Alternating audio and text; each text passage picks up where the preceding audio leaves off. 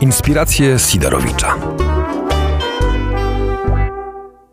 Wojciech Sidorowicz i kolejne, e, na szczęście niedomowe inspiracje, tylko już w pełni wymiarowe inspiracje Sidorowicza z urokliwej kawiarni o księgarni Nowa w Nowej Hucie. Pierwszy raz jestem, uwielbiam krakowskie kawiarnie, ale tutaj w tej kawiarni, mimo że w Nowej Hucie spędziłem trochę e, czasu, to pierwszy raz jestem, a to za sprawą e, mojego pierwszego gościa, pierwszego w tej kawiarni, mojego dzisiejszego gościa, czyli pani Katarzyny Kobylarczyk, która kilka dni temu dostała nagrodę imienia Ryszarda Kapuścińskiego za reportaż literacki, czyli za książkę Strup Hiszpania rozdrapuje rany. Dzień dobry pani. Dzień dobry, witam państwa. My przyszliśmy na ty, to ja mam, mam problem, więc będę kilka razy jeszcze pewnie tak powiem, e, a potem mam nadzieję, że przejdziemy do normalnej formuły. Jesteśmy w dla ciebie ważnym miejscu. Tak, to jest miejsce, w którym e, Strup w dużej mierze powstał, ponieważ e, jestem e, dziennikarzem, freelancerem, nie mam swojej redakcji, nie mam swojego miejsca. Tułam się po kawiarniach, bardzo lubię pisać w kawiarniach i Kafe Nowa tutaj w Nowej Hucie to jest taki mój matecznik i rzeczywiście bardzo duża część Strupa powstała tutaj, na tych krzesełkach i przy tych stolikach, więc rzeczywiście jest to dla mnie miejsce bardzo ważne. Nieprzypadkowo e, też e, ta kawiarnia, bo jesteś nowochucianką. Tak, ja jestem nowochucianką. Z, od urodzenia? Z urodzenia i z zamiłowania. E, jestem nowochucianką w drugim pokoleniu, to znaczy moi dziadkowie sprowadzili się do Nowej Huty, e, ale mam głębsze nowochódzkie korzenie, ponieważ e, jedna z moich babć pochodziła z, ze wsi Lubocza, która była tutaj poprzedniczką Nowej Huty, to znaczy zanim powstała, zanim powstała na terenach między innymi tej wsi, bo wielu wsi, zbudowano kombinat i najpierw miasto, a później dzielnicę Nowa Huta, także jestem taką nowochucianką z dziada, pradziada. Czyli ty jak jeździsz do, na przykład na rynek, to jedziesz do miasta? Oczywiście. Jedziesz do Krakowa? Tak, oczywiście, że jeżdżę do Krakowa. Ja, tak, tak. Czyli w twojej e, głowie, w twoim e, pojmowaniu Nowej Huty ona jest dalej odrębną całkowicie częścią, a Kraków stoi gdzieś na uboczu. No troszkę tak jest, że jednak ta czwórka, ten tramwaj, który jeździ między e, Nową Hutą a Krakowem, bardzo solidnie łączy już teraz te, te dwa miejsca, ale, ale Huta ma taką swoją własną tożsamość i tą odrębność troszkę zachowała, więc tak, to prawda, my, my z Nowej Huty jeździmy do Krakowa. My z Nowej Huty. to już jest też kolejna rozmowa na temat e, Nowej Huty, też przy okazji reportażu, e, bo wcześniej miałem okazję e, spotkać się i w ogóle rozmawiać o Nowej Hucie z Renatą Radłowską, też o, tak, myślę, że ci się. znaną, mhm. która właśnie napisała również nowochódzką telenowelę, ale ty na swoim koncie też masz kilka albo nie, jeżeli nie kilkanaście reportaży dotyczących Nowej Huty. Jaka historia najbardziej zapadła ci? Zanim przejdziemy już do tej książki mhm. Strup, to jeszcze zostając przy Nowej Hucie, poznając tę Nową Hutę, która jest twoim miejscem od urodzenia. Tak, rzeczywiście y, to, to, jest moje miejsce. Jaka historia zapadła mi najbardziej w pamięć? O rany jest ich bardzo dużo, e, ale jest taka historia, która mnie bardzo osobiście dotyka. I ona była dla mnie wielką niespodzianką, ponieważ e, napisałam, pracując jeszcze w Dzienniku Polskim jako reporterka, napisałam e, taką książeczkę Baśnie z bloku cudów. To był zbiór reportaży nowochódzkich i pisałam wtedy właśnie o budowie Nowej Huty, o tym jak e, wywłaszczano gospodarzy, którzy mieszkali tutaj przed budową Nowej Huty, jak odbierano im po prostu ziemię. Płacono im bardzo małe pieniądze. Mm, oni z tego powodu olbrzymie, olbrzymią ilość bardzo wycierpieli po prostu. Yy, I wiele osób mówiło mi wtedy, że za równowartość całego gospodarstwa, całej ojcowizny dostawali tyle co nic i że ta kwota, którą brali jako odszkodowanie, wystarczała na kilka biletów tramwajowych albo na zegarek.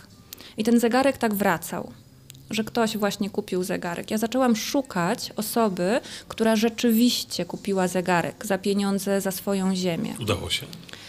Nie. Pisząc książkę, nie znalazłam tej osoby. Bardzo długo szukałam, bardzo długo pytałam, nie znalazłam. Książka się ukazała, podarowałam ją mojej babci. Moja babcia ją przeczytała i powiedziała: Dziecko, przecież ten zegarek dziadka leży na strychu.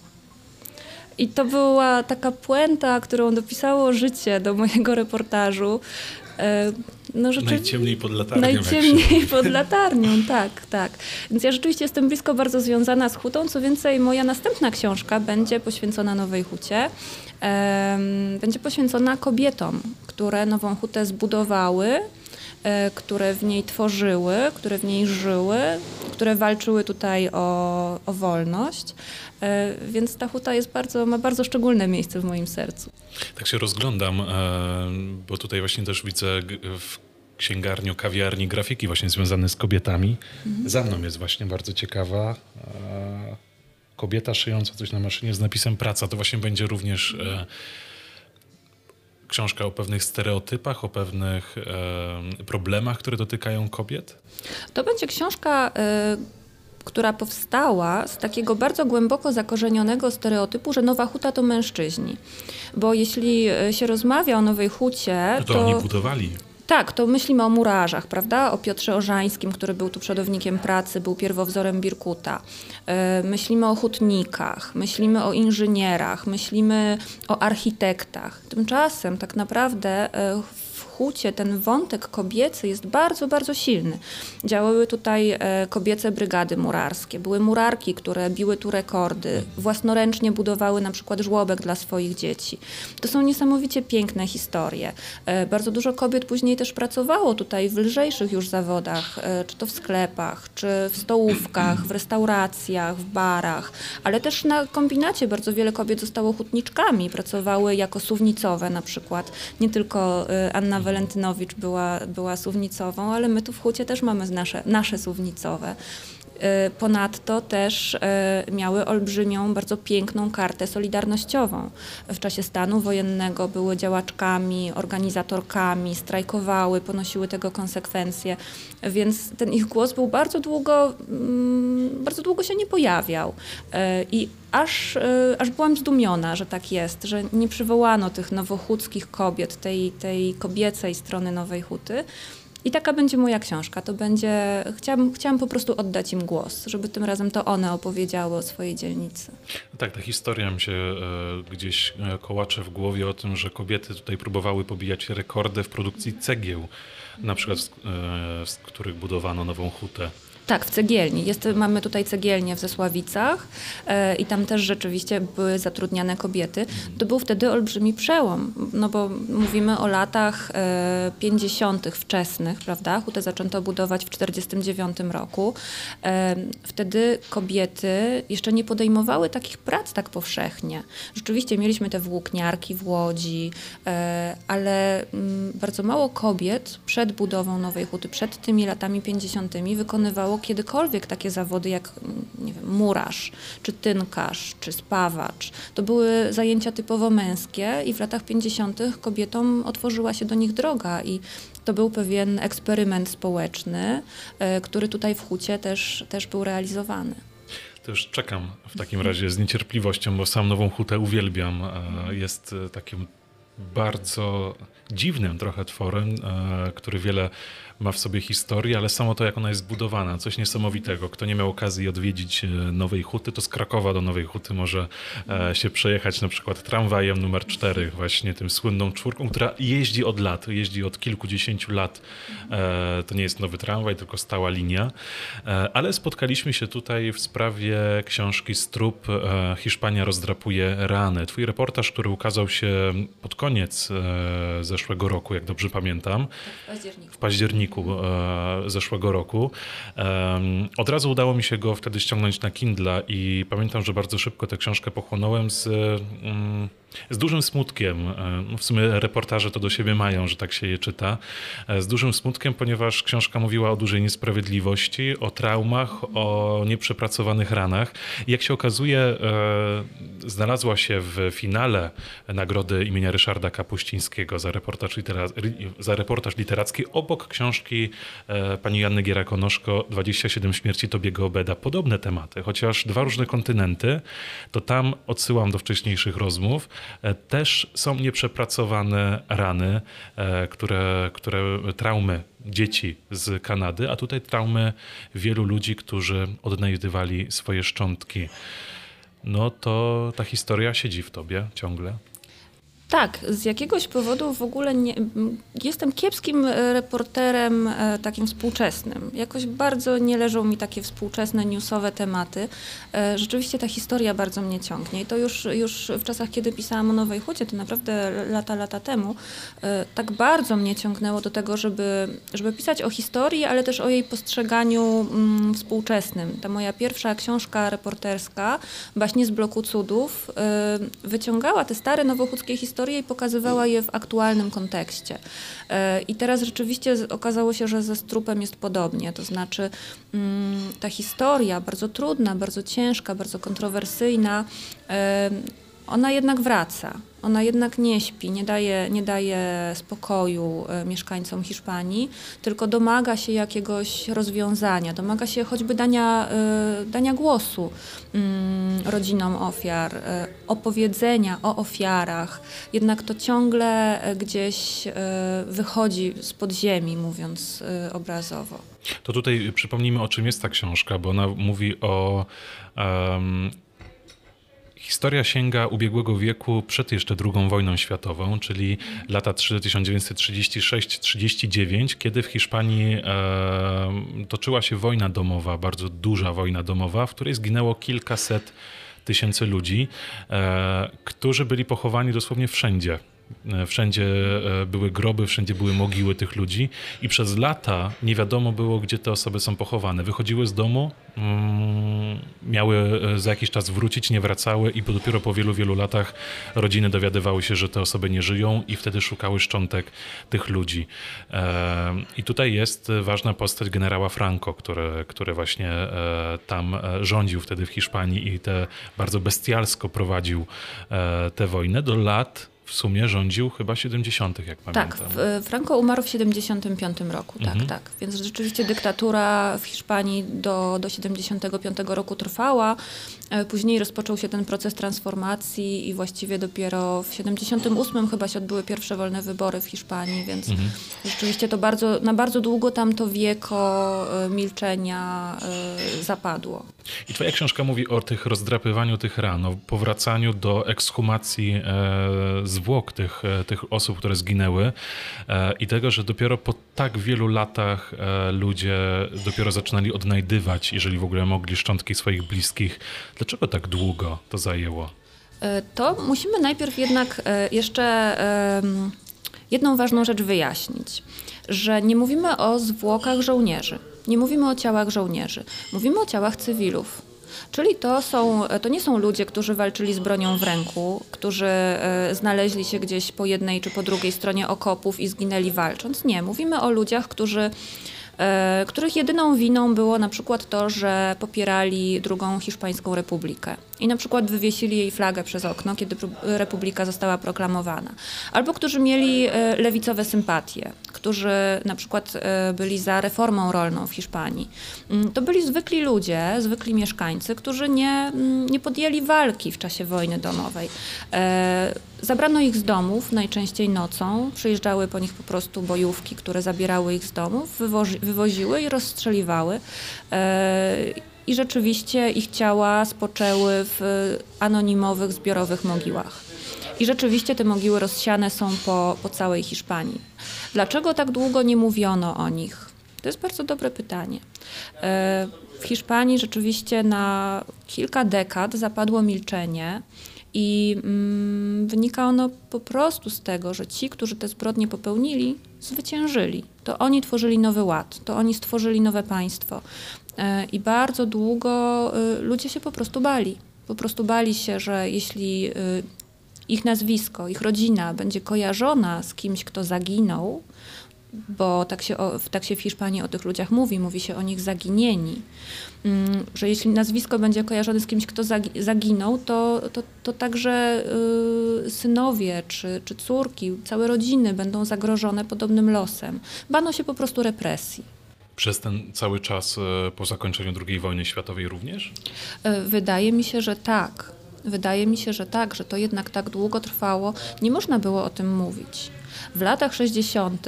generał Franco postanowił, że w Hiszpanii zapadnie pojednanie narodowe i że ciała również jego przeciwników politycznych zostaną przetransportowane do Doliny Poległych. Mm, ale to też odbywało się e, metodą odgórną, to znaczy wymyślono takie prawo, wprowadzono je w życie, nikt nie pytał tych rodzin, czy tego chcą, czy nie. Często wręcz ich o tym nie informowano. Więc e, tak, ten lęk utrzymywał się bardzo długo. E, pierwsze ekshumacje, które były prowadzone przez rodziny, zaczęły się w Hiszpanii po śmierci Franco. Więc w latach 79, e, we wczesnych latach 80., ale w 81 roku w Hiszpanii jeszcze odbył się nieudany zamach stanu Tejero, e, kiedy e, na, na, na kilka godzin opanowano parlament i ludzie się wystraszyli że jednak ta dyktatura, te rządy wojskowych, że to jednak może wrócić, że to jednak się jeszcze nie skończyło, że lepiej jeszcze siedzieć cicho. Rzeczywiście ten strach trzymał tam bardzo długo. To jest niewyobrażalne, jak tak się myśli, że żyje się e, w kraju, po prostu próbuje się normalnie żyć, jak każdy człowiek z takim strachem. Mm -hmm. Tak, tak, to rzeczywiście i to mm, w bardzo wielu opowieściach moich rozmówców pojawiała się taka, taka osoba, taka figura matki. Najczęściej matki, czasem babci, e, która po śmierci swojego męża e, ubrała czerń, przywdziała żałobę, usiadła na fotelu i milczała i nic nie mówiła. E, I to naprawdę to, to, jest taka figura, która tam powraca w bardzo wielu opowieściach, że mama nie chciała opowiadać o tacie. Że ja nie znałem mojego ojca, bo mama mi nic o nim nie chciała opowiedzieć. Albo nie wiem nic o dziadku, bo babcia za, zakazała w ogóle wypowiadać jego imię. Więc rzeczywiście te kobiety, które zostały, one nie chciały wspominać. One przywdziały żałobę e, i zamilkły. I to bardzo, bardzo długo trwało. Dopiero pokolenie wnuków tych, które już e, nie pamiętały represji, odważyło się o tym temacie mówić e, i tych swoich bliskich szukać. Zupełnie inne emocje wtedy już. Tak, tak. Wydaje mi się, że tak, że już bez tej bezpośredniej traumy, to jednak musiała być po prostu wielka trauma. Mhm, to olbrzymia, jak tyle lat trwa. Tak. Pojawia się tam historia w tej książce również właśnie kobiety, która przez lata oficjalnie nie była wdową. Po, po, właśnie po zaginionym, po zaginionym, tutaj też to musi wybrzmieć mężu, tylko dopiero po śmierci Franco e, uznano, że jej mąż po prostu nie żyje. E, no to też pokazuje taki absurd ogromny tego, że ci ludzie przez lata właśnie wierzyli w to, że, że, te, e, że ci mężowie, ci synowie wrócą do domów? Najczęściej nie. Mhm. Najczęściej nie. Tego, Byli nie świadomi tego, że oni nie żyją, natomiast y, nie mogli doprosić się w żaden sposób tego, żeby ktoś się przyznał do tej śmierci, do mhm. tego morderstwa. Y, bardzo wiele e, kobiet przeżyło taką gehennę poszukiwania tych swoich zaginionych mężów. No bo to było tak, że rzeczywiście przechodzono, przechodziły bojówki nocą, zabierały tego, tego mężczyznę, tego męża z, z domu, a kobiety potem chodziły go szukać. I udawały się na te posterunki, Guardia Civil, do władz wojskowych. Wszędzie pytały, gdzie jest mój mąż, gdzie jest mój mąż. E, I odpowiadano im, no tak, został aresztowany, ale już go wypuściliśmy. A gdzie się podział? No nie wiemy. Może nie wrócił do ciebie, może miał cię już dość, może sobie poszedł, zostawił cię. E, I te kobiety zostały z takim mm, olbrzymim poczuciem niesprawiedliwości, skrzywdzenia. E, no zresztą ta, ta, ta niesprawiedliwość tutaj rzeczywiście jest ogromnie widoczna. To byli ludzie, którzy byli po prostu mordowani. Bardzo często nie ma żadnych dokumentów poświadczających, że ich aresztowano. Nie ma żadnego wyroku sądowego, który miałby zostać na nich wydany. Nie ma dokumentu, który by świadczył, że mm, ten człowiek został skazany na śmierć za takie, a nie inne winy. Po prostu zniknął. Po prostu go wymazano. Nie ma. Nie I ma. Trzeba żyć. I trzeba żyć, tak. E, to się też oczywiście wiąże z tym, że e, nie ma się żadnych e, praw do, po, po, tym mężu, prawda? Nie ma, nie ma się prawa do renty, nie ma się żadnych środków do życia. To, to no, no koszmar. To jest po prostu koszmar, na co skazano te kobiety. Tu ważne jest to, żebyśmy też o skali powiedzieli, mhm. że to nie jest kilkadziesiąt czy kilkaset osób, tylko właśnie ile, ile osób zostało zamordowanych. Tutaj szacunki są bardzo e, płynne i historycy zupełnie nie zgadzają się co do skali. To się oczywiście wiąże też z tym, że brakuje tej dokumentacji, że tych dokumentów po prostu nie ma. Według obecnych szacunków, na które ja się w książce powołuję, e, liczba takich osób, podkreślam wciąż, że mówimy o, o ofiarach cywilnych, e, to jest około 150-160 tysięcy po tej stronie, e, po tej stronie nazwijmy ją republikańską. E, oczywiście, i to bardzo często jest przywoływane jako kontrargument, mm, strona republikańska także popełniała zbrodnie. E, I w Hiszpanii podczas wojny domowej ginęli też no nazwijmy ich, e, nazwijmy to może prawą stroną. Ginęli ludzie, którzy byli na przykład blisko związani z kościołem, zwłaszcza na tych terenach, e, które na przykład w Barcelonie czy w Madrycie republikańskim. E, więc rzeczywiście były też zbrodnie republikańskie i też republikanie również mają na swoim sumieniu wielu cywili, przy czym tutaj ta skala jest mniejsza i mówi się obecnie o około 50 tysiącach ofiar. Czy to jest e, ogólnie, jakbyśmy powiedzieli o żołnierzach i o tych ofiarach, to będzie. No ponad pół miliona. Ponad pół miliona osób. Tak. Jest niewyobrażalna liczba. No tak, no, no pamiętajmy o tym, że, że wojna domowa w Hiszpanii to jest taka pierwsza masowa wojna, to takie mhm. preludium do, znaczy może prawda, jeszcze pierwsza wojna światowa pokazała tą skalę, prawda, ale, ale nie od biedy mówi się, że ta wojna domowa w Hiszpanii to był taki poligon, który mhm. sobie mm, urządzono przed y, II wojną światową. Zresztą przecież, nie wiem, wojska niemieckie czy włoskie e, nigdy nie no, tak, właśnie, tak właśnie trenowały swoje umiejętności, czy zdolności, czy siłę rażenia, na przykład lotnictwa, mm, właśnie tam, właśnie w Hiszpanii. Mhm. Pojawia się e, coś e, takiego jak właśnie Dolina Poległych, czyli już w pewnym momencie e, oprawca tak naprawdę, czyli osoba, e, przez którą mm, to wszystko tak naprawdę się stało, czyli generał Franco, e, który odpowiadał za egzekucje, za publiczne egzekucje, te masowe egzekucje i za bardzo brutalne podejście do swoich wrogów i nie tylko wrogów, ale i właśnie osób cywilnych, postanowił trochę pojednać naród coś też takiego dosyć dziwnego, że oprawca nagle próbuje wszystkich ze sobą połączyć. E, I to miało e, miejsce właśnie w Hiszpanii. Wtedy powstała Dolina Poległych, czyli takie ogromne mauzoleum, które, mhm. które mieści się w Hiszpanii i gdzie wszyscy nagle byli e, pochowani.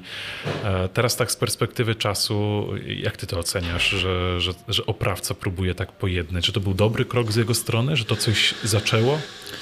Ale to zależy bardzo od tego, z kim się w Hiszpanii na ten temat rozmawia bo y, ja rozmawiałam z, no, z obiema stronami, to znaczy z tymi, mm, którzy generała Franco uważają za bohatera i mm, zbawcę narodu, y, jak i z tymi, którzy uważają go za pospolitego zbrodniarza, y, który powinien tak naprawdę odpowiedzieć za swoje zbrodnie.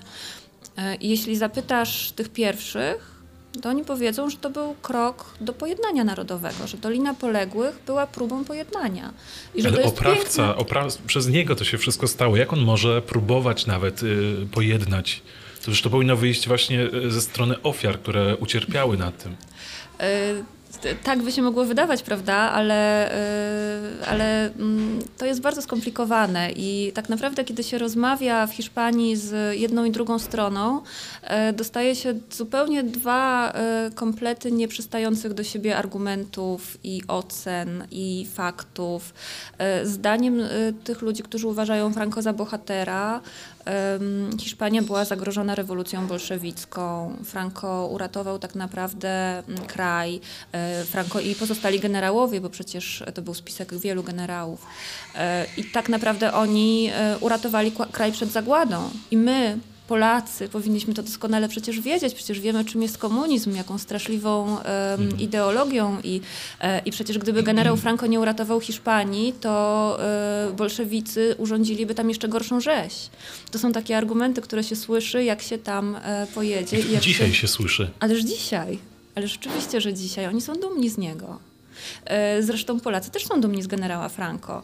E, jest taka książka, która jak sądzę jest e, pracą doktorską, ale nie mam pewności, mm, która jest zatytułowana Polityka pojednania generała Francisco Franco w Hiszpanii po wojnie domowej i której autor zupełnie serio analizuje wszystkie kroki polityki generała w duchu takiego pojednania narodowego. To znaczy pisze o tym, że generał y, wprawdzie zamknął wielu przeciwników politycznych w więzieniach, ale przecież ich wypuścił, bo ustanowił amnestię. E, że rzeczywiście zbudował dolinę po to, żeby pojednać naród i godnie pochować wszystkich. E, to są, to są, to są światy zupełnie równoległe, to, jest, e, to są dwie rzeczywistości alternatywne i one rzadko się stykają nie mają punktów stycznych. Więc tak, generał Franco, nie wiem czy uważał, jest jest taki pogląd, zresztą też obecnie w Hiszpanii, że generał po prostu w latach 50., 60., musiał już e, złagodzić troszkę swój reżim, e, musiał pojednać się przede wszystkim z Europą i z Amerykanami. E, I ta polityka generała olbrzymich represji, zamykania swoich przeciwników politycznych, organizowania obozów koncentracyjnych i obozów pracy, bo i takie były w Hiszpanii, że ta polityka nie mogła spodobać się Zachodowi, a generał potrzebował e, amerykańskich inwestycji w mhm. Hiszpanii.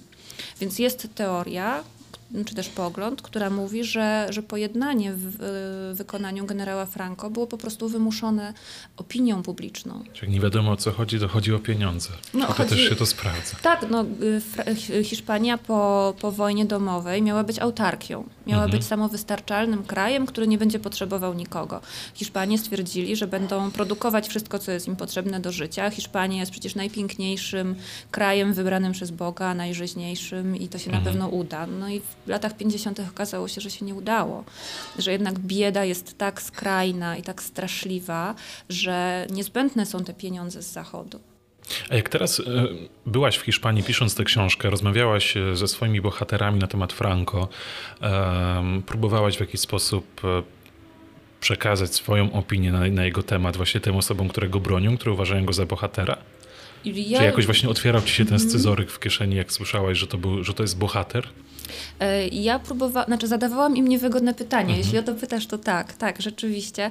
E, ale mm, mam takie poczucie, że to jest e, mur nie do przebicia to jest mur nie do przebicia i rzeczywiście ja bardzo często, y, ja kiedyś zrobiłam sobie wycieczkę do Madrytu y, taką y, dziesięciodniową, podczas której rozmawiałam wyłącznie z no, tą prawicą hiszpańską, mhm. współczesną. To znaczy z tymi ludźmi, którzy są blisko ideologicznie do, do falangi głównie i którzy ją wspierają, czy też z sentymentem o niej mówią. I próbowałam rozmawiać z nimi. Oni są absolutnie przekonani o tym, że, że Franco uratował Hiszpanię. Ten mur tutaj, ja na przykład pojechałam do, na cmentarz w Paracuellos. Paracuellos to jest miejsce bardzo bolesne, ponieważ to jest miejsce, gdzie wymordowano e, kilka tysięcy więźniów. Zrobili to republikanie, prawdopodobnie anarchiści lub komuniści. E, to byli po prostu bezbronni ludzie, których wywieziono z madryckich więzień i tam rozstrzelano. E, I pojechałam na ten cmentarz z człowiekiem, który, mm, którego dziadek tam spoczywa. Mhm. I on najpierw postawił mnie pod drzewem, bo tam to, to był lipiec, żar się lał z nieba, my staliśmy pod takim rachitycznym drzewkiem. I on mi powiedział, zanim w ogóle cokolwiek zaczniesz do mnie mówić, e, musisz mnie posłuchać. I powiedział tak, nie obchodzi mnie, co czytałaś o wojnie domowej w Hiszpanii, nie obchodzi mnie, co wiesz, teraz musisz mnie wysłuchać. I urządził mi wykład wygłosił taki wykład, e, który, w którym mówił mm, no, takie rzeczy, których nie ma w książkach. Mówił do mnie, e, tak, ten spisek, ci bolszewicy, mm, e, ci sprzedawczycy, którzy uparli się, żeby zniszczyć Hiszpanię, oczywiście międzynarodówka Żydów, która sprzysięgła się, żeby zniszczyć ten katolicki kraj. I mm, tu, tutaj nie ma dyskusji. Tu nie da się z tym człowiekiem dyskutować. Jakichkolwiek faktów historycznych ja bym mu nie podała, mm, nie jestem w stanie z nim dyskutować, ponieważ on zna inne fakty. A co ci tacy ludzie, jak ten, jak ten pan, z którym rozmawiałaś, właśnie e, myślą w momencie, kiedy używasz argumentu ofiar tylu ludzi, ilu tam zginęło właśnie? Y, to jest zawsze ten sam argument i on brzmi, gdyby bolszewicy wygrali, ofiar byłoby więcej, tylko po naszej stronie. To jest zawsze ten sam argument. Y, co więcej, zawsze jest przywoływany tu Katyń, Przecież wiesz, do czego jesteś Polką, przecież wiesz, do czego są zdolni, do czego oni są zdolni. Zawsze jest ten sam argument. I ja bym chciała tutaj powiedzieć, że my bardzo dobrze wiemy, jak wielki był zasięg komunizmu w Hiszpanii przed wojną domową. To było 5%. To było 5%, bo tyle dostali komuniści w wyborach przed, e, do, do parlamentu hiszpańskiego przed wojną. Więc e, ten olbrzymi spisek anarchistyczno-komunistyczny no, trudny jest do uwierzenia, ale no, jak każdy spisek ma swoich zwolenników. Coś niesamowitego, jak tak, e, albo raczej przerażającego, jak się właśnie e, o tym myśli. E, do zdjęcia musimy się uśmiechnąć, czy mamy... Pamiątkę. Tu mamy tak, już fani przyszli do, do laureatki nagrody. Super. Może gdzieś to wysłać? Um, no, bo, bo, bo, bo, jeżeli jest szansa. Dobra, gdzieś tam Dobra, to na Facebooku znajdę. Dobra. Inspiracje Sidorowicza to akurat będzie reklama. O, o, właśnie. Dzięki Jacku wielkie. No tak, twoje miejsce, znajomi, którzy e, tutaj cię e, wspierali pewnie w pisaniu tej książki i teraz są chyba razem z tobą dumni za to, że dostałeś te no nagrody. Tak, ja w ogóle muszę powiedzieć, że ja, ponieważ ja nie wierzyłam, że dostanę ją.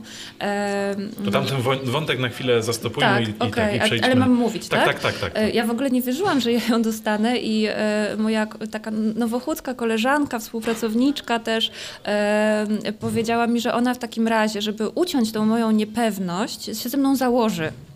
E, Maja wąchała e, Skindier powiedziała, że się ze mną założy, e, ponieważ ona ma taki zwyczaj, że ona się zakłada z takimi osobami jak, w takiej sytuacji jak moja i ma 100% skuteczności. Więc ona się ze mną założy i ja się już nie będę musiała...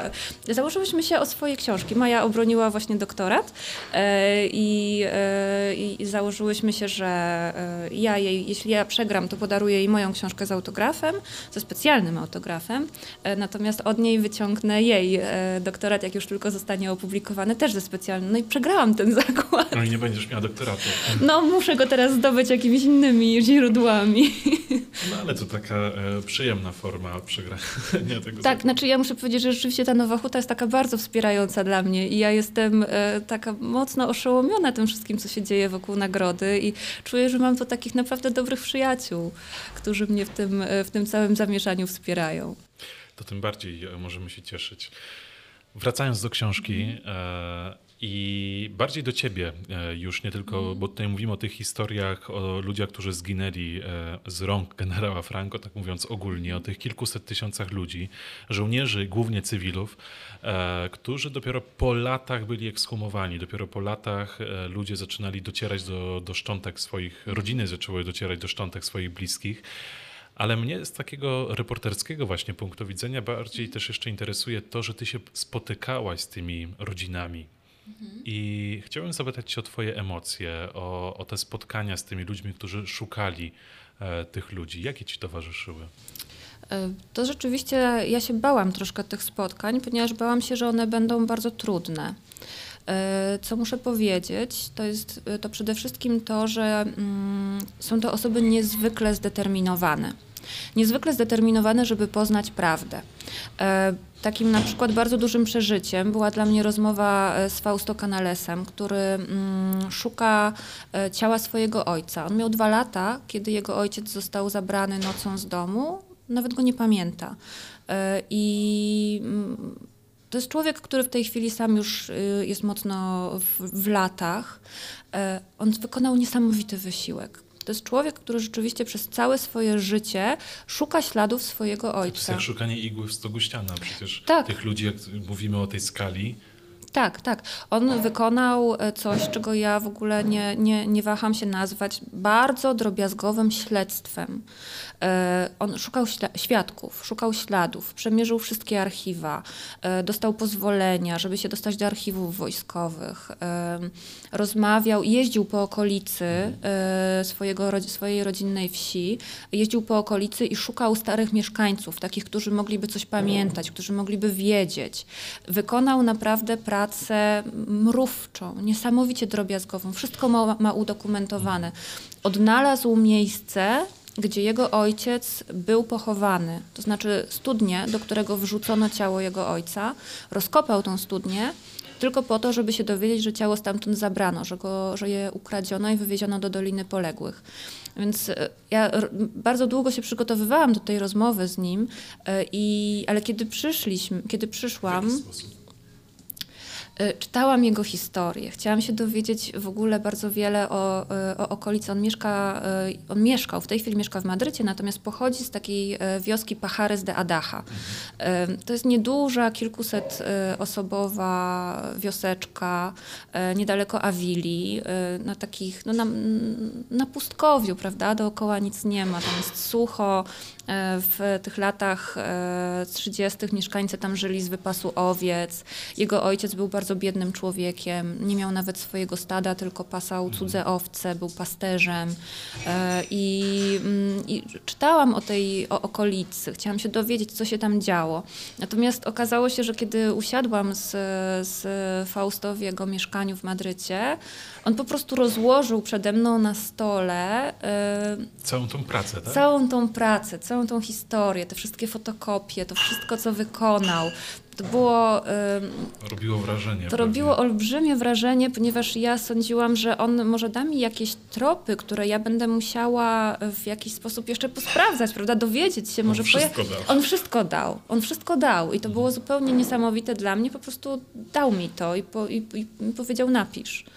Więc to rzeczywiście robiło wrażenie. Mm. Natomiast e, jeśli chodzi o rozmowy z innymi osobami, e, widać w nich determinację. To są poszukiwacze prawdy. To są ludzie, którzy szukają prawdy, którzy zrobią bardzo wiele, żeby się o niej dowiedzieć, i w związku z tym e, to nie były takie rozmowy przez łzy. To były rozmowy przeprowadzone z ludźmi, którzy naprawdę są zdeterminowani, żeby się dowiedzieć i żeby tą prawdę opowiedzieć, żeby ją puścić dalej, żeby ona nie zginęła. A spotkałaś się z ludźmi, którzy jeszcze pamiętali e, moment na przykład e, zabrania bliskiej, bliskiej osoby, na przykład były jeszcze dzieckiem troszkę starszym, Mhm. ale które to pamiętały i dla nich, e, bo tu mówiłaś o panu, który miał Tak. dwa lata, więc on w ogóle Tak. nie pamięta ojca. On nie pamięta ojca, on mówi, że on ma tylko takie przeczucie swojego ojca. Czuje taką obecność we wczesnym dzieciństwie, bardzo pięknie to mówi zresztą, że czuje taką obecność nad sobą tego ojca, ale nie pamięta na przykład jego twarzy. E, Natomiast mm, nie spotkałam się osobiście z tą panią. Mm, Nazywa się mm, Ascension Mendieta. Niesamowita, e, bardzo waleczna kobieta. Ja nie mogłam z nią porozmawiać, ponieważ ona była już bardzo schorowana wówczas. E, Zmarła zresztą. Ona szukała też ciała swojego ojca i nad całym jej życiem zaciążyła taka potworna trauma, ponieważ ona miała kilkanaście lat, kiedy to się stało, i ona otworzyła drzwi. Ona otworzyła drzwi do domu, kiedy oprawcy zapukali. I to, że ona ich wpuściła, to tak strasznie zaciążyło na jej życiu, to tak strasznie je zniszczyło. Tak Że czuje strasznie się winna? może nie winna, ale, ale to jednak bardzo mocno w niej się działo. Też to ona ich wpuściła do domu. Ona była dzieckiem. Była dzieckiem, była małą dziewczynką. Ktoś zastukał wieczorem do drzwi, ona otworzyła. Ona otworzyła, a to byli właśnie ci, którzy przyszli po jej ojca. I to, to tak mocno w niej się działo. Ona tak bardzo była zdeterminowana, żeby odnaleźć e, grób swojego ojca, żeby go wydobyć stamtąd. Będąc już e, naprawdę wiekową e, osobą, mając 80 kilka lat, wykonała no, no, no, dużą rzecz. Poleciała do Argentyny, żeby e, poprosić e, tamtejszą, tamtejszy wymiar sprawiedliwości, żeby się zaangażował w Hiszpanii.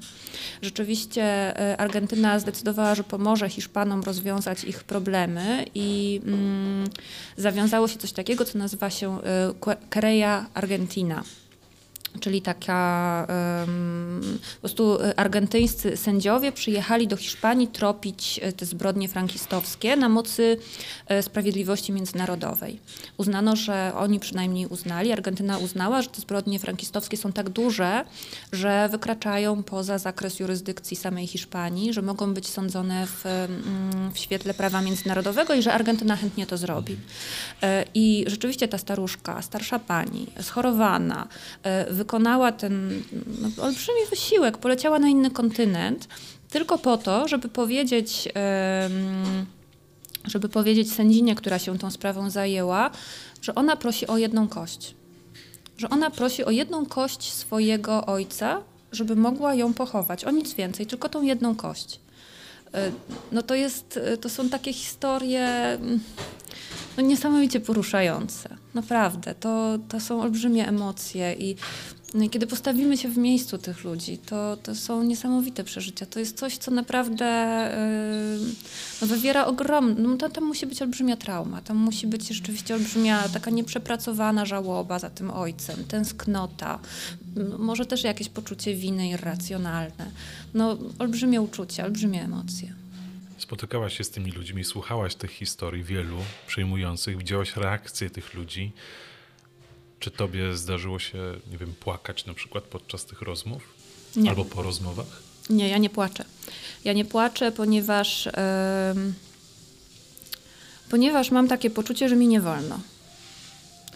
Bo wiem, że e, moich rozmówców rozmowa ze mną kosztuje bardzo wiele. To znaczy, rzeczywiście oni muszą wrócić do tej traumy, do tych bardzo trudnych wydarzeń i o nich opowiedzieć, mi opowiedzieć. Mi nie wolno płakać. Ja nie mogę e, tego zmarnować. Po prostu nie wolno. A to dusiłaś to w sobie, czy po prostu miałaś takie podejście i to ci pozwoliło w ogóle... Ja wiem po prostu, że mi nie wolno. Wiem po prostu, że mi nie wolno. Ja idę tam z takim nastawieniem, że ja jestem tam po to, żeby jak najwięcej e, się dowiedzieć i żeby móc to opowiedzieć, żeby móc to przekazać dalej. Więc ja po prostu wiem, że mi nie wolno płakać, że jeśli ja się rozpłaczę, że jeśli ja się rozkleję, e, to, mm, to zmarnuję ten ogromny wysiłek, który ktoś podejmuje, żeby ze mną rozmawiać, żeby mi o tym opowiedzieć. Ale kurczę, jesteś człowiekiem. I ja wiem, reporterzy, z którymi rozmawiam, czy na przykład z Pawłem Reszką e, o jego książce Płuczki, e, gdzie on też rozmawiał z bardzo, z ludźmi o takich no, bardzo ciężkich, bulwersujących sprawach.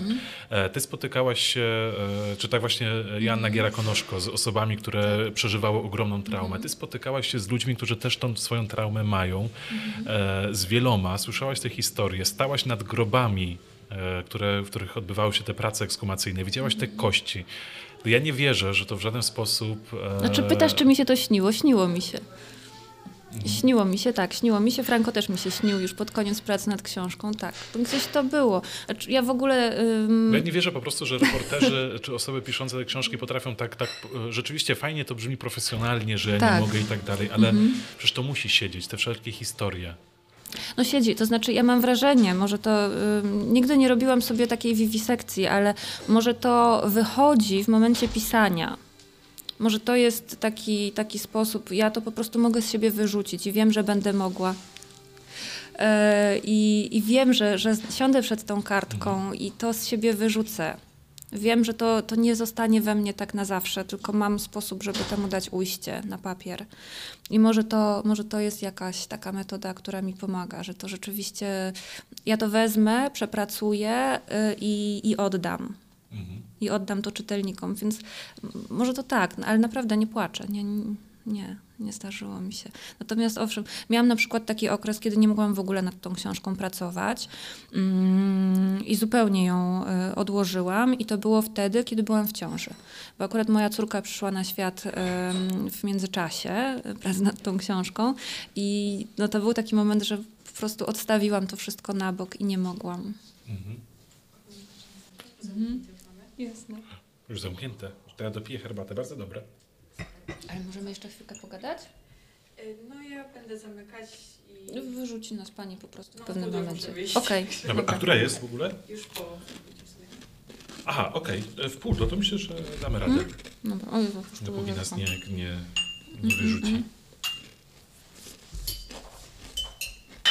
Jezus, nie przewidziałam tego. Ja też y, nie bywałem w kawiarniach od dawna. Ja też. Teraz się tak zasiedzieliśmy tutaj. Em, Książka jest właśnie takim katarzis, tak? To Chyba tak. Chyba tak. Chyba to jest tak, że rzeczywiście mm, to jest takie ujście. Tak.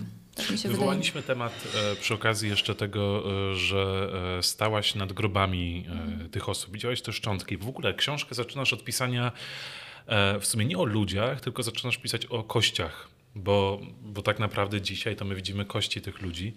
E, uczestniczyłaś w tych pracach ekshumacyjnych. Jak to wygląda? Mhm. To jest, e, to mnie bardzo zdziwiło, bo to jest bardzo mm, otwarte. Robi się to w sposób otwarty. Ja wybierając się na ekshumację zawsze mm, kontaktowałam się ze stowarzyszeniem, które je przeprowadza i pytałam, czy mogę, czy, czy, czy mnie wpuszczą, a oni mówili przyjedź. Przyjedź, tutaj nikt nie jest, ym, tutaj nic nie jest zamknięte, my się z niczym nie ukrywamy. I to rzeczywiście było tak, że jak przyjeżdżałam, to się okazywało, że jest to miejsce pracy, to miejsce ekshumacji.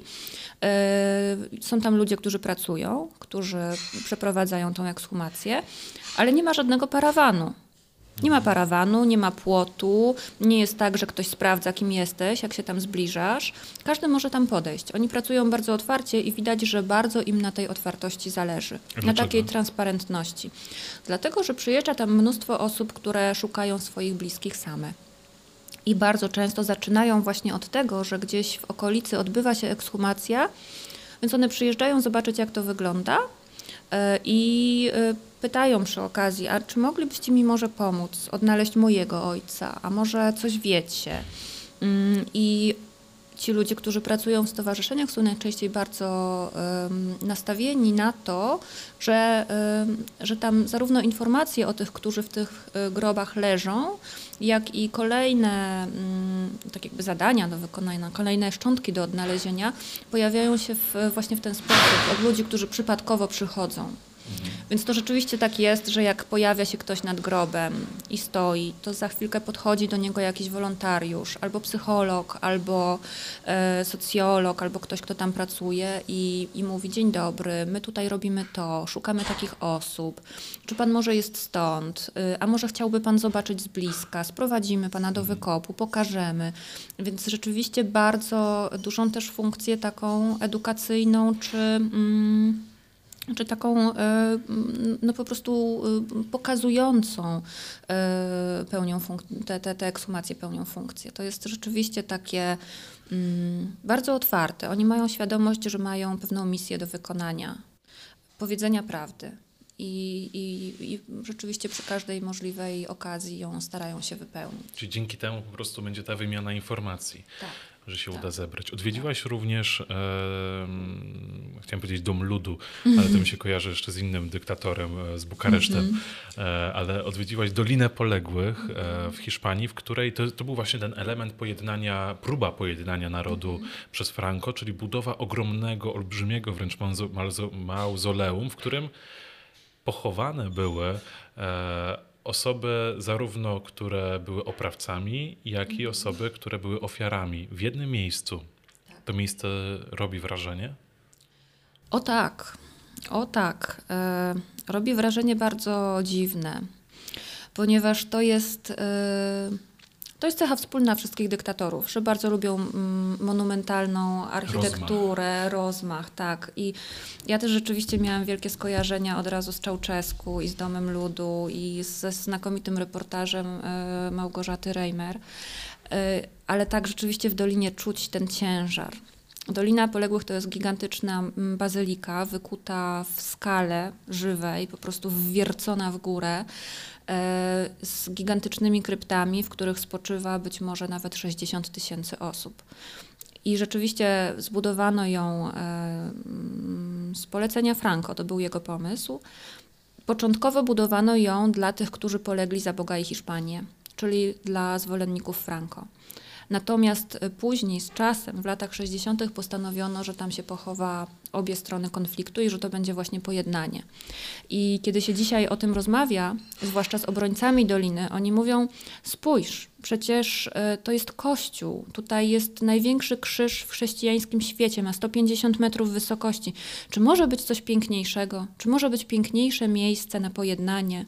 Przecież to jest jedyne miejsce na świecie, gdzie codziennie e, odprawia się msze w intencji ofiar. I tych z jednej, i tych z drugiej strony. Czy może być coś piękniejszego? I potem e, rozmawia się z rodzinami tych tak zwanych zakładników doliny, oni takich nazywają, to znaczy tych e, ofiar po stronie republikańskiej, Które bez zgody rodzin które bez zgody rodzin zostały tam pochowane i one mówią, to, to nieprawda, myśmy tego nie chcieli. Jak to możliwe, że mój ojciec spoczywa razem ze swoim mordercą? Ja nie chcę, żeby on tam spoczywał. Krzyż? Mój ojciec był ateistą. Nie chcę, żeby leżał pod krzyżem. Nie chcę, żeby ktoś się za niego modlił. Chcę, żeby spoczął u siebie na y, wiejskim cmentarzu. Chcę, żeby spoczął koło mojej mamy. Y, I, I to jest naprawdę taka rozmowa. Mm, takie dwie strony, które nigdy się nie spotykają. I też ta ironia, gdzie leży właśnie ofiara obok oprawcy w jednym miejscu. Tak, tak, to rzeczywiście, to zwłaszcza właśnie Fausto Canales, którego ojciec leży w Dolinie Poległych, jest to potwierdzone. E, on powtarzał, że póki on żyje, a Fausto ma 86 lat, e, że póki on żyje, to będzie walczył, żeby ciało ojca stamtąd wyciągnąć, ponieważ ojciec leży koło swojego mordercy, to znaczy koło Franco. No historia trochę się odwróciła teraz i Franco zniknął z Doliny Poległych, ekshumowano go przeniesiono go na cmentarz, gdzie leży jego żona. Mm, ale wciąż e, w Dolinie Poległych spoczywa na przykład José Antonio Primo de Rivera, czyli założyciel falangi. E, I, I to też jest e, bolesne dla ludzi, którzy się czują ofiarami falangi czy falangistów. Mówiłaś o ofiarach, że 150 tysięcy osób, tam kilkaset tysięcy osób, które, które poległy w Hiszpanii. Ile z tych osób udało się zidentyfikować później? Garstkę. Mhm. Bardzo niedużą garstkę, naprawdę. Bo książka właśnie jest mhm. takim. E, ona wskazuje te osoby z imienia i nazwiska w wielu przypadkach. Ona jest właśnie tym oddaniem im tej historii, żeby o nich wspomnieć, ale ona właśnie mówi o takiej garstce. Tak, bo to jest tak, że tutaj jest garstka. Um Tutaj w ogóle jest bardzo duży problem z identyfikacją. Ja jadąc do Hiszpanii i pracując y, nad tą książką, miałam takie wrażenie, że to będzie tak jak u Tochmana, w Jakbyś kamień jadła, że ja tam po prostu e, stanę, oni mi powiedzą, to ciało należało do tego, to do tego, tu zrobiliśmy badania DNA, rozpoznaliśmy. A okazało się, że nie, że to jest niemożliwe, że nawet jeśli uda się pobrać DNA z kości, to prawdopodobieństwo, że się uda rozpoznać tego człowieka, to jest y, jak jeden do trzech. Mhm. To jest jak jeden do trzech. Ten materiał genetyczny jest bardzo słaby. Te kości, kości są stare. Sobą, tak, ale te kości, są, te kości są po prostu stare i y, dla mnie to było uderzające, że y, Francisco Echeverria, który jest lekarzem antropologiem y, i który mm, bierze do ręki kość i mówi, ile ten człowiek miał wzrostu, y, jakie przebył choroby w dzieciństwie i jak mógł tak wyglądać. to jest taki mózg tak, to jest czyta, czytający z kości. Oni go nazywają, Hiszpanie go nazywają czytający z kości. E, no więc on mówi potrafi spojrzeć na tą, na tą ekshumację, na ten grób odsłonięty i powiedzieć, ten człowiek utykał. Mm, w dzieciństwie musiał przejść na przykład e, złamanie kości udowej, albo miał jedną nogę krótszą od drugiej, więc na pewno mm, tam kulał, albo mówi, że mm, ma wiele mikrourazów na czaszce, więc pewnie miał epilepsję, bo to się często zdarza u epileptyków. Jest bardzo dużo takich szczegółów umożliwiających wydawałoby się identyfikację, bo wydawałoby się, że teraz pójdziemy i zapytamy kogoś, czy twój dziadek y, był epileptykiem, albo może kulał, może chodził o lasce, wiesz coś o tym, ale ci ludzie nie wiedzą. Mhm. Ci ludzie tego nie wiedzą, te wnuki tego nie wiedzą, one nigdy nie widziały swoich dziadków. Więc one nie potrafią powiedzieć, czy dziadek y, utykał, albo jakiego koloru miał włosy. Nie wiedzą tego. Więc ani DNA, ani pamięć y, tych wnuków nie są w stanie nam pomóc w identyfikacji. Więc w momencie, kiedy mamy z jednej strony ogromną rzeszę osób, które szukają swoich bliskich, wiedzą, wiedzą kogo szukają mhm. i nie mogą znaleźć, bo nie wiadomo, gdzie te kości są, a z drugiej strony mamy ogromną górę kości i nie możemy do nich dopasować nazwisk. Więc to jest, tutaj jest pod, pod, podwójna tragedia. Tragedia ludzi, którzy mają nazwisko i chcą znaleźć ciało, i tragedia tych ciał, które nie mają nazwisk i mieć ich prawdopodobnie już nie będą. I ta książka właśnie o tym mówi. E, w sumie ona może być lekcją bardziej niż, niż podsumowaniem tej pracy, bo właśnie większość tych ludzi nie odnajdzie swoich bliskich, nie, tego się nie uda. Nieprzypadkowo e, po strupie e, jest druga część tytułu, czyli Hiszpania rozdrapuje rany, bo ta fraza nie rozdrapujmy ran pojawia się bardzo często, pojawiała się bardzo często w ustach hiszpańskich polityków między innymi, którzy nie chcieli do tego wracać, nie rozdrapujmy rany, ale jak historia nam pokazuje, dopóki się czegoś nie przepracuje, tak samo jak w Kanadzie w przypadku osób, które przeżyły szkoły e, w Kanadzie, o których pisze pani Anna Giera-Konoszko, to ta trauma nie minie. I tu nie mówimy tylko o ludziach, tych pojedynczych jednostkach, ale w ogóle o narodzie. To jeszcze widać w ogóle w Hiszpanii, tak już podsumowując e, to, bo Hiszpania kojarzy się z bardzo takim radosnym krajem, z fiestą, z e, zabawami, z dobrym jedzeniem, z wycieczkami, ale jednak jest ta druga, mroczniejsza strona. Czy wśród tych ludzi, którzy na co dzień wyglądają na takich radosnych, ta trauma tej historii w jakimś sposób jest widoczna? Ona nie jest widoczna. Mm, Pytanie, w jak wielu osobach jest to jeszcze trauma. Natomiast okazuje się, że te historie są bardzo e, powszechne.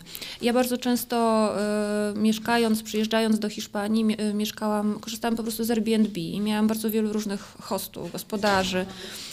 I pytałam, czasem oni pytali mnie, po co przyjechałam, czy na wakacje, czy do pracy. Ja im opowiadałam, nad czym pracuję, i oni wtedy mówili, a tak, to prawda, mój wujek tam ze strony e, matki też zaginął w czasie wojny domowej, no i też właściwie nie wiemy, gdzie są jego kości. Więc to, to było tak powszechne, to przeorało tak całe społeczeństwo, że rzeczywiście naprawdę mm, bardzo, y, no bardzo, bardzo mało jest rodzin, które mogą powiedzieć, że tej, tej historii na własnej skórze nie doświadczyły. A władza jakoś pomaga teraz w tym? Czy władza wzięła jakąś odpowiedzialność za, e, za przeszłość e, i, i pomaga chociażby właśnie w poszukiwaniu, w tych ekshumacjach? To zależy od tego, kto u władzy jest. W 2007 roku w Hiszpanii e, przyjęto ustawę, która mówiła, że państwo będzie pomagać w poszukiwaniu i identyfikacji ofiar reżimu. Em, pomagać. Co to znaczy pomagać? E, Kiedy rządziło PSOE, czyli socjaldemokraci, zwłaszcza za, za czasów rządów Zapatero, rzeczywiście były, były dofinansowania. Państwo rzeczywiście finansowało ekshumację. E, Kiedy do władzy wróciło Partido Popular, czyli e, Partia Ludowa, prawica, e, państwo umyło ręce. Powiedziano, że są ważniejsze wydatki i nie będziemy na to wydawać pieniędzy. Bardzo dużo do powiedzenia mają też wspólnoty autonomiczne, ponieważ Hiszpania ma ten, te wspólnoty autonomiczne bardzo, bardzo mo- mocne, jest krajem regionów i w zależności od tego, kto i w jakim e, mm, regionie rządzi, e, to władze autonomiczne albo pomagają, albo nie pomagają. Są takie regiony jak na przykład e, kraj Basków albo Andaluzja, gdzie władze lokalne bardzo mocno zaangażowały się w ten ruch ekshumacji, poszukiwań em, ofiar, w ruch pamięci historycznej, upamiętniania tych ludzi. E, W tej chwili zdaje się, że w kraju Basków em, wszystkie znane e, groby zbiorowe i anonimowe zostały już ekshumowane. Co oni rzeczywiście by zrobili bardzo dobrą robotę, mówiąc, mówiąc kolokwialnie. Natomiast są takie kraje, w których takie regiony Hiszpanii, w których tradycyjnie rządzą siły konserwatywne, na przykład Castylia-La Mancha albo La Rioja, gdzie te ekshumacje się nie odbywają, bo tudzież nie są e, wspomagane przez władze. To znaczy one owszem odbywają się, ale na skutek e, interwencji organizacji pozarządowych hiszpańskich, to właśnie Stowarzyszenie Ofiar, a nie są, e, nie są promowane przez władze lokalne. Zanim nas pani wyrzuci tutaj z kawiarni, to jeszcze ważny wątek, bo poprosiłem cię, żebyś przyniosła ze sobą coś, co ci się najbardziej kojarzy z Hiszpanią, co przywiozłaś. No i właśnie ciekawi mnie, e, co to jest. Tak, to jest. Pieniądze e, z nagrody. Nie, nie, to jest w ogóle relikwia. To jest e, bilet e, wstępu do Doliny Poległych. E, To znaczy do e, ospederii, czyli do domu gościnnego w Dolinie Poległych, ponieważ w Dolinie Poległych znajduje się takie miejsce, gdzie można nocować. E, I to jest ta część doliny została wybudowana jako klasztor, ale mnisi, którzy tam mieszkają, stwierdzili, że jest zbyt oddalona od e, samej bazyliki, do której oni muszą schodzić również nocą, e, więc została przeznaczona na taki dom pielgrzyma, natomiast oni się przenieśli do klasztoru wybudowanego bliżej. E, I ja miałam właśnie okazję mieszkać w tej ospederii. Mm, No i ja mam w ogóle obsesję Doliny Poległych. To jest takie miejsce, które mnie bardzo, bardzo fascynuje E, i to jest właśnie bilet, e, bilet wstępu poświadczający, że mam tam prawo zostać na noc, bo to jest tak, że dolina się mieści w górach. E, Brama do doliny jest zamykana. Od bramy do samej bazyliki jest kilka kilometrów, chyba 7 kilometrów. E, i dostęp tam jest utrudniony, więc turyści, którzy przychodzą, czy też wierni, którzy przychodzą na msze do bazyliki i turyści, turyści którzy przychodzą ją zwiedzać, no są na noc no tak jakby wypraszani, to znaczy dolina się zamyka i mogą tam zostać wyłącznie mnisi, którzy tam mieszkają i właśnie goście ospederii i to jest właśnie mój bilet uprawniający mnie do zostania nocą w dolinie. Uśmiechasz się teraz, ale ja mam wrażenie mm. właśnie uśmiechasz się, a spałaś w miejscu, można powiedzieć, w ogromnym cmentarzysku. Tak, e, bo ja mam bardzo e, takie przeciwstawne myśli o Dolinie. To znaczy, z jednej strony to miejsce jest niesamowicie piękne. Niesamowicie, to jest kilkadziesiąt kilometrów od Madrytu, a to są góry, w których w lipcu potrafi przypruszyć śnieżek. Mm, no niesamowita, dzika przyroda, po prostu piękne miejsce, piękne miejsce. Y, I, no i nagle ta bazylika w tym środku tego dzikiego pejzażu, y, tak wydarta tym górą, monumentalna, niesamowicie przytłaczająca, niesamowicie. Ja to już powiedziałam i napisałam to chyba też w książce, że mm, ja się tam czułam, to, to nie moje słowa, to są słowa z TripAdvisora. Tam ktoś pisząc recenzję napisał, że czuł się tam jak e, w filmie o Indianie Jonesie. E, I ja też się tam tak czułam. To znaczy, tam są takie gigantyczne pomniki e, aniołów e, z mieczami, które mhm. są zakapturzone. I człowiek, który tam wchodzi, to czuje, że jeśli nie będzie miał czystych myśli, to ten anioł weźmie ten miecz i jednak utnie mu łeb. I, mm, no i to tak naprawdę robi wrażenie na człowieku, a jednocześnie przy tym wszystkim, przy tej takiej pewnej grotesce tej doliny, no bo ten monumentalizm jest aż groteskowy. No tak, no Franco kazał zbudować coś. Tak, tak, tak. No więc przy tej grotesce jednak nagle do człowieka dochodzi, ja to miałam bardzo mocno, jak już wszyscy dolinę opuścili i ja siedziałam przed bazyliką, tam jest taka esplanada, takie, taki plac olbrzymi, na którym człowiek się czuje jak mrówka I tam siedziałam sama w tych promieniach zachodzącego słońca i nagle do mnie dotarło, że jestem tu ja, jest tutaj jedna pani kucharka, która robi e, śniadanie dla gości. Gości w hospederii praktycznie poza mną nie było tego, tego, mhm. te, tych, w ciągu tych, tego czasu. E, no i może jeszcze sprzątaczka i te kości. I jesteśmy tam my trzy czy cztery i te kilkadziesiąt tysięcy ciał. I to było tak no bardzo dziwne, dogłębne doświadczenie, takie mm, no, przytłaczające, ale mm, bardzo przytłaczające, ale jednak ja to miejsce nie, nie wspominam tego miejsca jako koszmaru. Ja dość dobrze wspominam. Naprawdę, to no, jak, jak mówię, nie potrafię wytłumaczyć tego, dlatego ta dolina jest dla mnie taką, takim miejscem bardzo przejmującym i dziwnym i no i wracam do niej myślami często. Pojechałabym tam znowu. Pojechałabym tam znowu pomieszkać, rzeczywiście. Strup Hiszpania rozdrapuje rany. Książka, która jest lekcją, myślę, że lekcją dla, e, dla każdego, żeby wiedział, że, e, że każda trauma nieprzepracowana będzie wracała i ona nie odbije się tylko na jednostce, ale w ogóle na czasami na całej społeczności. Jeszcze raz gratuluję Ci nagrody. Bardzo dziękuję. E, w 11 edycji nagrody imienia Ryszarda Kapuścińskiego za reportaż literacki. I naszym słuchaczom polecam bardzo tę książkę, wydaną nakładem wydawnictwa e, Czarne, co również świadczy o jakości książek.